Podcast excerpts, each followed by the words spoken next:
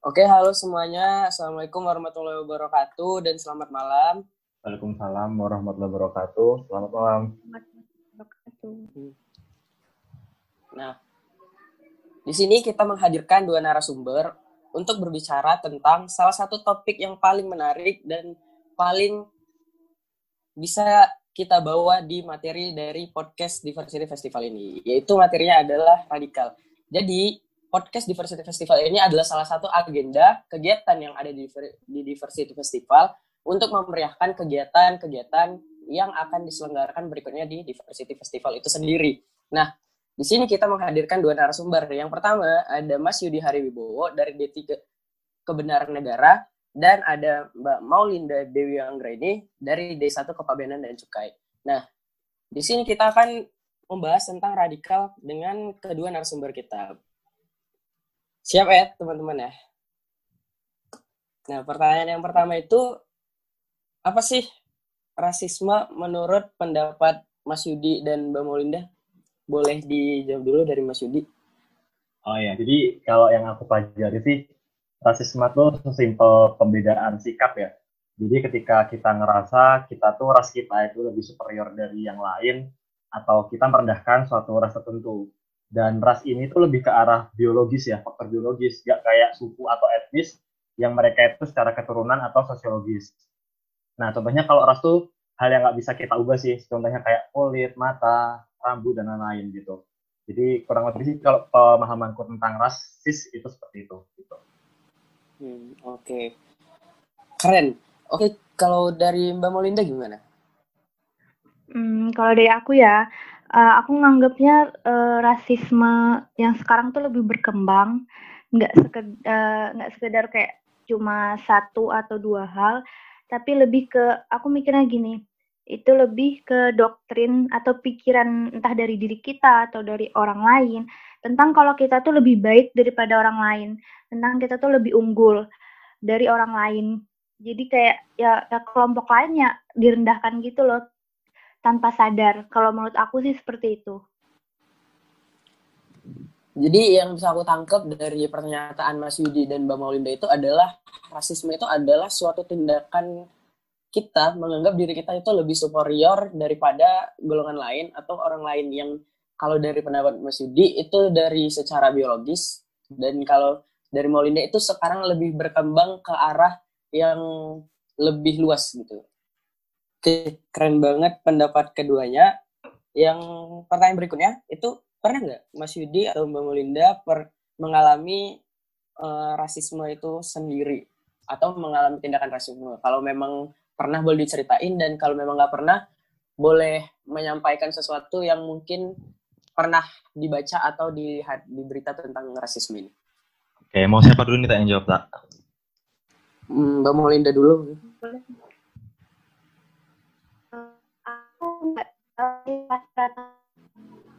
Aku pernah baca dan aku baru tahu itu termasuk rasisme. Uh, contohnya kayak kita menganggap kalau orang kulit putih itu, eh kecantikan itu harus kulit putih standar cantik itu harus putih, standar uh, uh, cantik tuh harus tinggi atau ganteng tuh harus gagah gimana. Itu dan aku baru baca itu termasuk rasisme tertutup. Aku baru tahu itu dan oh tanpa sadar ternyata aku pernah ngalamin dan aku pernah uh, ngelakuin gitu loh. Baru tahu aku itu masuk rasisme. Aku sih uh, ngerasanya kayak gimana gitu. Ternyata itu termasuk rasisme itu sih kalau aku ternyata aku pernah ngalamin dan aku pernah melakukan oke kalau dari Mas Yudi sendiri gimana Mas? Ya, kalau dari aku kalau dapat perilaku rasis uh, kayaknya ya selama pikiranku kalau dari ras yang tadi biologis itu belum ya uh, belum sampai saat ini. Tapi kalau sedikit cerita dulu waktu aku habis lulus SMA akan uh, sempat ini mau nyoba lestan ya ke Jogja. Jadi aku kayak ya sebenarnya nggak ngerantau banget sih tapi lumayan jauh ke Jogja. Di situ aku cari kos. Uh, waktu aku cari kos itu kan aku dari daerahku yang lebih homogen ke Jogja yang di situ lebih heterogen. Dan ketika aku mau masuk uh, nyari kos tuh kan ketika nyari kos tuh sebenarnya kan kami itu nggak semua orang ya. Cuma berdua atau bertiga nyari tapi kita nyariin teman-teman nih untuk bertuju. Nah tiba-tiba dari ibu kosnya itu menanyakan dulu sih uh, terkait teman kami yang lain itu apakah ada dari uh, ras tertentu. Waktu itu emang tapi ini juga ibu-ibu kos kita nggak bisa generalisir semua ya. Ini oknum juga. Itu menyampaikan kalau dari ras tertentu itu nggak boleh mas. Jadi kalau teman yang ada ras kayak gini nggak boleh. Nah sebenarnya itu ibunya memang punya alasan tertentu terkait pengalaman yang buruk dengan uh, suatu ras tertentu. Cuman menurut saya juga tetap tidak bisa dibenarkan sih cara kayak gitu karena menurut saya ketika perilaku seseorang itu yang dinilai keburukan seseorang menurut saya yang harus dinilai individunya sih tapi saat itu dari ibu itu mengeneralisir terkait suatu ras tertentu sehingga sampai ras tertentu itu ya emang nggak dibolehin gitu untuk uh, tidur atau nyewa kos di tempat ibunya. Jadi pengalamanku tuh seperti itu dan itu buat kayak aku tak jadi was-was juga terkait ras tertentu itu. Tapi padahal aku juga belum pernah mengalami hal yang buruk dari ras tersebut gitu. Tapi tapi alhamdulillah uh, ternyata menurutku ya itu salah sih. Gitu. Oh, oh iya Mas Yud. Uh, berarti ibunya tuh sekarang memberikan stereotip buat ras-ras tertentu bahwa semua ras itu seperti itu. Jadi dia mengeneralisir seperti itu ya Mas ya. Padahal hal itu hmm. tuh sepertinya bukan sepertinya memang memang nggak bisa kita kita lakuin gitu. Ibaratnya tuh orang Cina itu uh, pelit-pelit gitu. Padahal nggak semua orang Cina kayak gitu. Memang ada oknum-oknumnya ya kan Mas. Ya benar. Jadi waktu itu ibunya itu emang ya memukul rata aja kayak oh Mas kalau punya teman dan rasnya ini nggak boleh. Tapi kalau selain ras ini ya silahkan kalau mau nginep di kos saya gitu jadi kayak gitu sih hmm. nah yang pendapat dari Mbak Molinda itu ya sih itu paling umum banget di Indonesia ya bahkan di dunia bahwa standar kecantikannya orang Indonesia terutama itu adalah putih dan tinggi padahal putih dan tinggi itu juga merupakan faktor biologis yang kita nggak bisa dapatkan secara langsung gitu yang yang memang dari Tuhan ya gitu. Jadi nggak semua orang bisa jadi bisa memberikan yang terbaik buat dirinya gara-gara standar yang seperti itu. Jadi itu termasuk satu rasisme juga. Jadi itu kayak pembelajaran baru sih buat kita semua. Nah, uh, menurut Mbak Molinda dan Mas Yudi, gimana sih caranya, gimana sih stigma rasisme di negeri ini gitu? Di 2020 ini terutama. Mas Yudi dulu boleh. Oh ya, kalau kalau stigma, kalau aku nggak salah nangkep kan berarti kenapa suatu pandangan negatif itu bisa terjadi, benar ya Pak ya? Iya. Ya, kalau sebenarnya kalau kita bilang stigma 2020 nggak bisa karena emang kita harus tarik dulu terkait sejarah Indonesia dulu gitu. Nanti ini aku mungkin cerita dikit kalau ada yang kurang bisa ditambahin. Jadi kalau aku lihat sih Indonesia itu kan negara yang uh, sangat banyak suku ras agama ya itu uh, hasil terjadinya Indonesia itu kan prosesnya cukup panjang ya dari awal dulu ada penentuan proposal tiga wilayah yang ketika Muhatta minta ada wilayah Hindia Belanda di luar Papua Barat ada yang Hindia termasuk Papua ada yang sampai Indonesia Raya yang itu masuk ke Sabah Timur Papua Nugini Solomon Island dan lain-lain ya itu itu kayak udah kompleks banget. Di sisi lain ketika contohnya Papua masuk ke Indonesia itu aja udah dari awalnya yang KMB tidak selesai.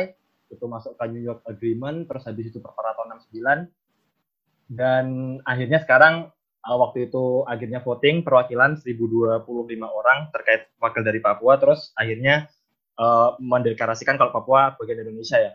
Nah sebenarnya yang aku pelajarin ini kenapa stigma ini bisa muncul? Itu karena dulu itu kan banyak negara yang dijajah ya dan batas-batas negara pasca kolonial itu tuh ikut zaman kolonialnya itu prinsip dari PBB. Jadi emang dari awal tuh emang setiap negara itu emang udah di yaudah ketika kamu kemarin dijajah ini ini jadi satu jadi satu daerah. Alasannya kenapa? Hmm. Alasannya itu biar tidak terjadi perpecahan antar satu suku dengan suku yang lain gitu.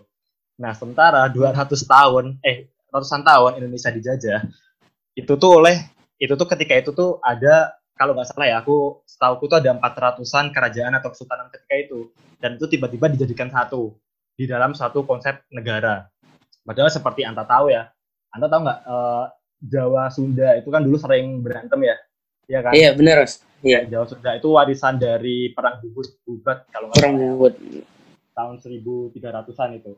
Nah akhirnya yang awalnya dengan PBB ini mau diarahkan bahwa ya biar tidak terjadi permasalahan, sebenarnya malah sumber konflik awal atau stigma ras terjadi ya ketika akhirnya semua semua golongan, semua etnis, semua kerajaan yang beda-beda ras ini ya mau tidak mau waktu itu karena suatu kekuasaan dijadikan menjadi satu gitu. Tapi ya sebenarnya menurutku itu bukan bukan uh, sesuatu yang akhirnya kita bilang salah juga karena pada akhirnya kan uh, terkait stigma-stigma ini juga dilakukan oleh oknum ya dan sebenarnya beberapa hal yang terjadi di dahulu uh, ya sebenarnya nggak usah terlalu kita ambil lagi. Dan di situ menurut saya sih penting ada perannya negara sih untuk membuat rukun antara yang satu yang lain gitu sih. Jadi kalau dari stigma emang kayak dari sejarahnya Indonesia aja udah semacam kayak gitu gitu. Jadi emang emang stigma itu sampai sekarang dari akumulasi akumulasi yang ada mungkin ada di Papua ada antara Jawa Sunda itu mungkin masih bisa sering terjadi karena uh, terkait sejarah yang tadi secara singkat mungkin setahu saya ya hemat saya saya tadi jelaskan. Itu sih tak jadi stigmanya ya emang hmm. dari perbedaan perbedaan-perbedaan yang ada sih. Oke, keren banget ya mas. Jadi di sini kita banyak belajar bahwa stigma itu nggak nggak ada di 2020 doang, tapi ya hmm. dari dulunya juga memang udah ada stigma rasisme itu gitu ya mas ya. Iya benar banget. Jadi memang sejak dari dulu. Hmm, oke okay, kan. Nah, Nur Mbak Maulinda gimana? Tentang stigma ini?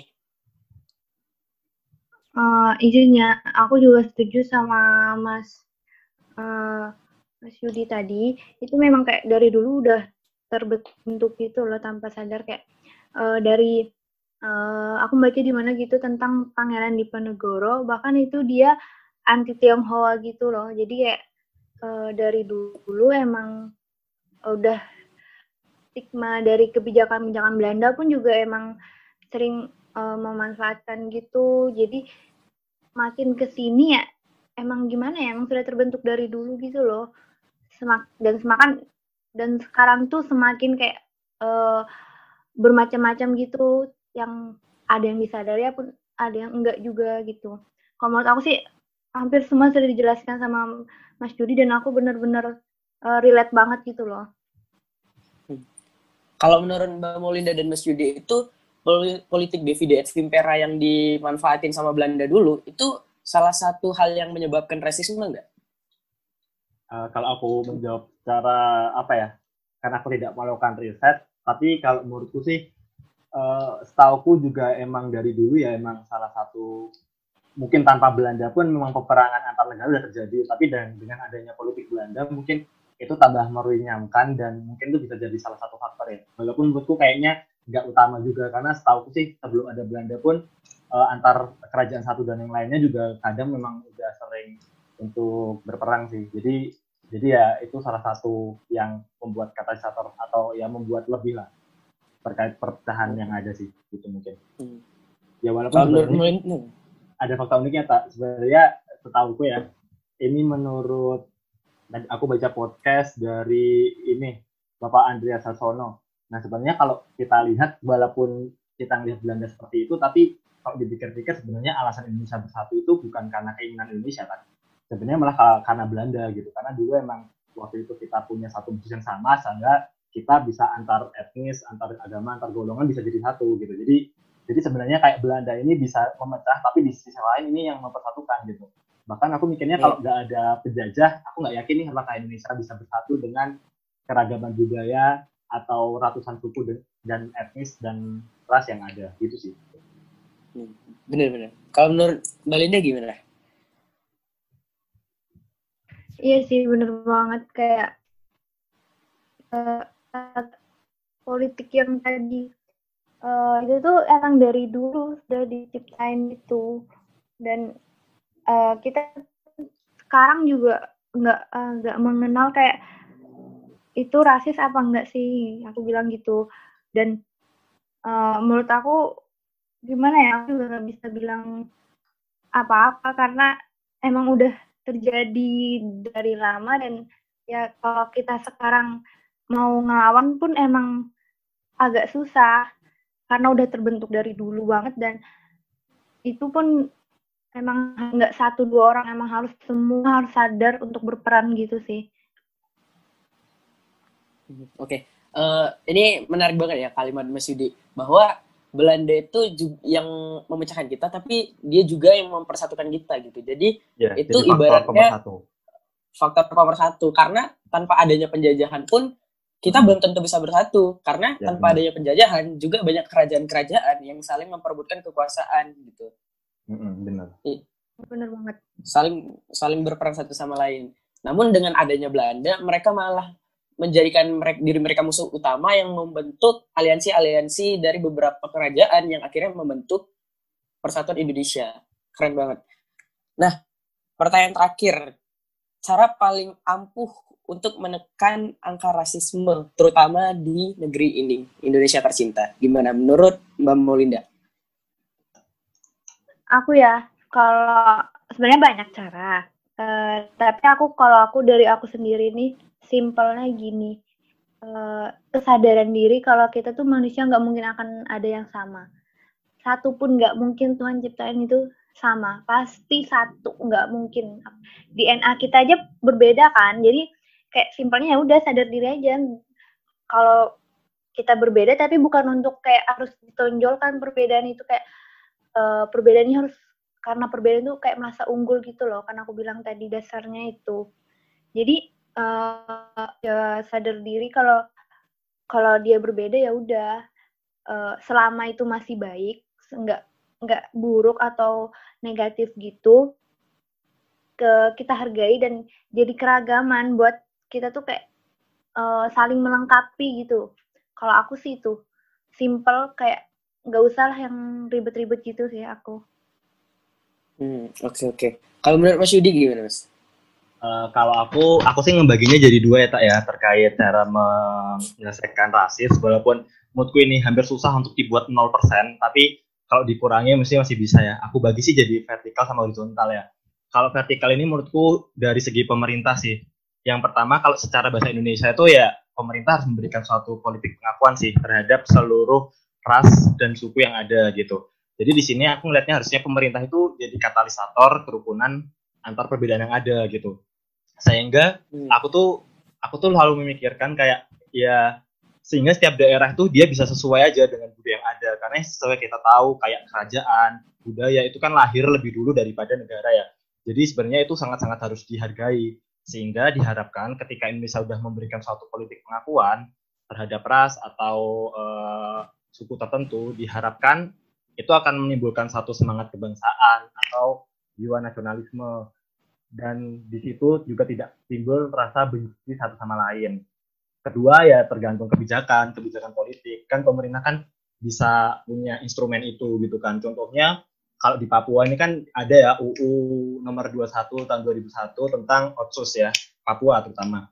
Itu kan eh, yang 2021 itu mau selesai, setahun lagi ya udah nggak kerasa udah 20 tahun dibentuk 20-an tahun lalu dan di situ emang di situ harus ada hal-hal yang memberikan uh, apa ya ya tadi itu politik pengakuan tapi walaupun sebenarnya tadi aku sempat, sempat baca di pasal 5 ayat 2 sebenarnya juga ada nih kayak contohnya tuh di situ tuh dijelaskan terkait Majelis Rakyat Papua yang merupakan representasi kultural orang asli Papua yang memiliki kewenangan tertentu dalam rangka pelindungan hak-hak asli Papua gitu. Jadi jadi untuk vertikalnya sih seperti itu.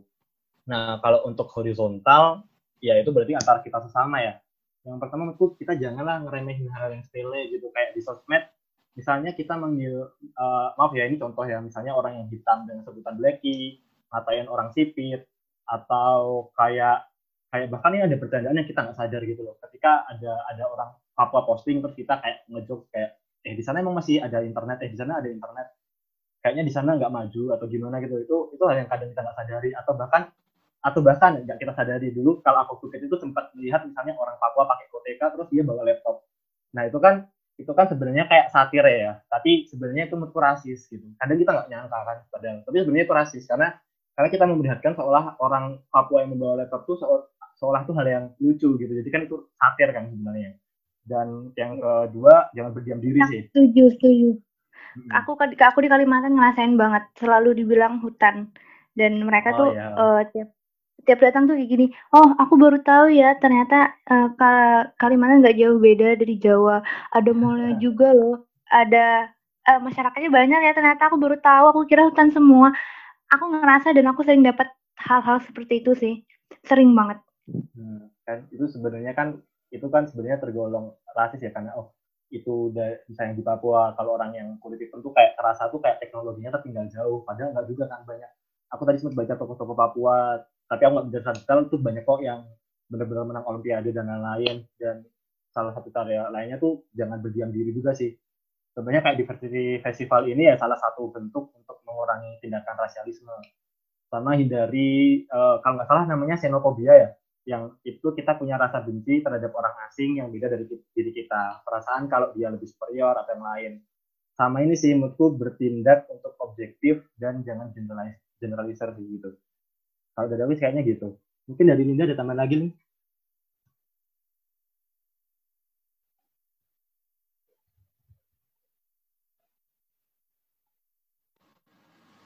Gimana Linda? Ada yang ditambahin lagi nih?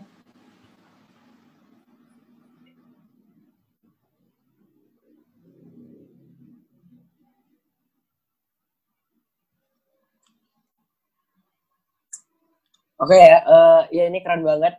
Memang sering banget nih ya kayak uh, bahkan nggak di nggak di satu daerah aja, bahkan di semua daerah kayak kita nih pertamanya pemindahan ibu kota. Nah, ibu kota kita itu dipindahin ke Kalimantan. Orang-orang nganggapnya supaya Kalimantan nggak jadi hutan lagi, bener nggak? Iya. Yeah. Uh.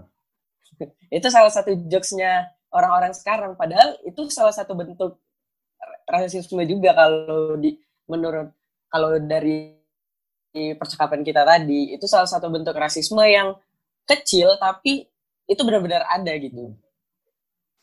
Cuman sekedar ngejokes tapi menjadi salah satu bentuknya. Nah, apalagi yang kalimat satir yang mas bilang orang Papua pakai KTK tapi bawa laptop itu kita nggak expect orang Papua bawa KTK bakal pakai KTK bakal bawa laptop gitu kan tapi yeah. benar kata Mas Yudi itu bentuk salah satu bentuk rasisme karena kita sendiri aja nggak bakal nyangka gitu bakal ada yang kayak gitu ya benar banget sih bener. apalagi kalau kayak gitu ditertawakan kayak kita tuh memikirkan itu hal yang lucu untuk terjadi gitu itu kan berarti kan rasis ya berarti kita menganggap bahwa orang-orang Papua ini uh, memiliki keterbelakangan teknologi kan gitu.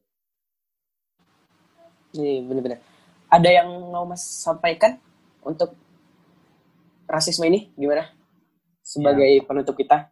Ya kalau menurut saya sih pertama ya tadi ya uh, ini satu hal yang memang udah terjadi dari dulu kala ya. Nggak bisa kita pungkiri itu dari sejarah Indonesia terbentuk dan lain-lain tuh ya kadang memang ada satu uh, kebencian antara satu sama lain. Itu merupakan satu oknum dan menurut saya pribadi menurut saya ya uh, menurut saya sih uh, kita ini benar-benar untuk ke depan ini harus utamanya benar-benar saling menghargai satu sama lain aja sih menurut saya ketika memang kita beda antara satu sama yang lain ketika itu masih dalam rangka yang tidak melanggar hukum atau tidak merugikan kita menurut saya ya daripada kita berkomentar hal yang jelek dapat menimbulkan suatu hal yang tidak baik nanti kalau menurutku diam aja gitu. Syukur-syukur bisa buat satu gerakan nyata ya kayak diversity festival ini ya yang contohnya di dalam pandemi kayak gini aja bisa masih buat acara kayak gini gitu. Jadi ya menurutku ini utamanya emang harus balik ke diri kita masing-masing sih sebelum kita bicara soal rasis sebenarnya kita harus ingat dulu apakah kita udah apakah kita udah tidak rasis dengan segala hal yang kita lakukan karena kadang menurutku rasis yang lebih banyak dilakukan orang adalah rasis yang tidak dia sadari contohnya kayak tadi Linda ngomongnya masalah kulit istilahnya kulit itu ayo dari hitam ke putih gitu ya, bukan dari kotor ke bersih. Karena kalau hitam ke putih kan itu kan itu udah bawaan dari lahir. Sementara kalau kalau kotor atau bersih kan itu berarti tergantung dari orangnya gitu. Jadi jadi ya kayak bahasa-bahasa kayak gitu mungkin tanpa kita sadari itu hal yang biasa umum tapi bisa aja itu menyakiti saudara-saudara kita yang masih satu bangsa sama kita gitu. Dari aku gitu tak. Kalau dari Linda gimana sebagai kalimat penutup untuk pembahasan kita kali ini? uh, aku juga udah uh, kalau nggak bisa ngasilin karya sesuatu uh, berpikirlah untuk jangan menambah perbedaan gitu loh kayak mengunggulkan perbedaan.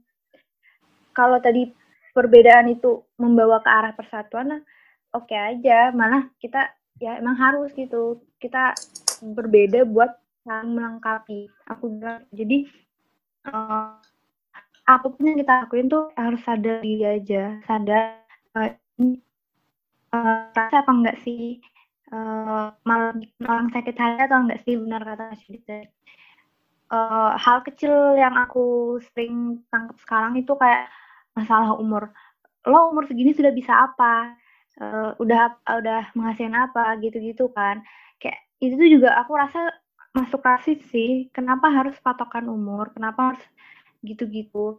Jadi kayak ya udah sekarang uh, jalanin mas apa sih jalanin apa yang ada nggak perlu uh, hal yang tanpa sadar itu malah menambah ragamnya si rasis ini loh. Dan uh, emang nggak bisa bakalan sampai habis gitu si rasis tapi bak bakalan emang ada kita minta berusaha untuk nggak rasis supaya benar angkanya itu semakin turun atau mungkin ya udah saling menghargai gitu sih dari aku. Oke, terima kasih buat Mas Yudi dan Mbak Linda atas uh, pendapat-pendapatnya yang keren-keren banget. Nah, satu hal yang bisa aku tangkap dari pembicaraan kita hari ini adalah bahwa ada seorang bijak yang mengatakan bahwa perbedaan itu akan menjadi masalah ketika dipermasalahkan.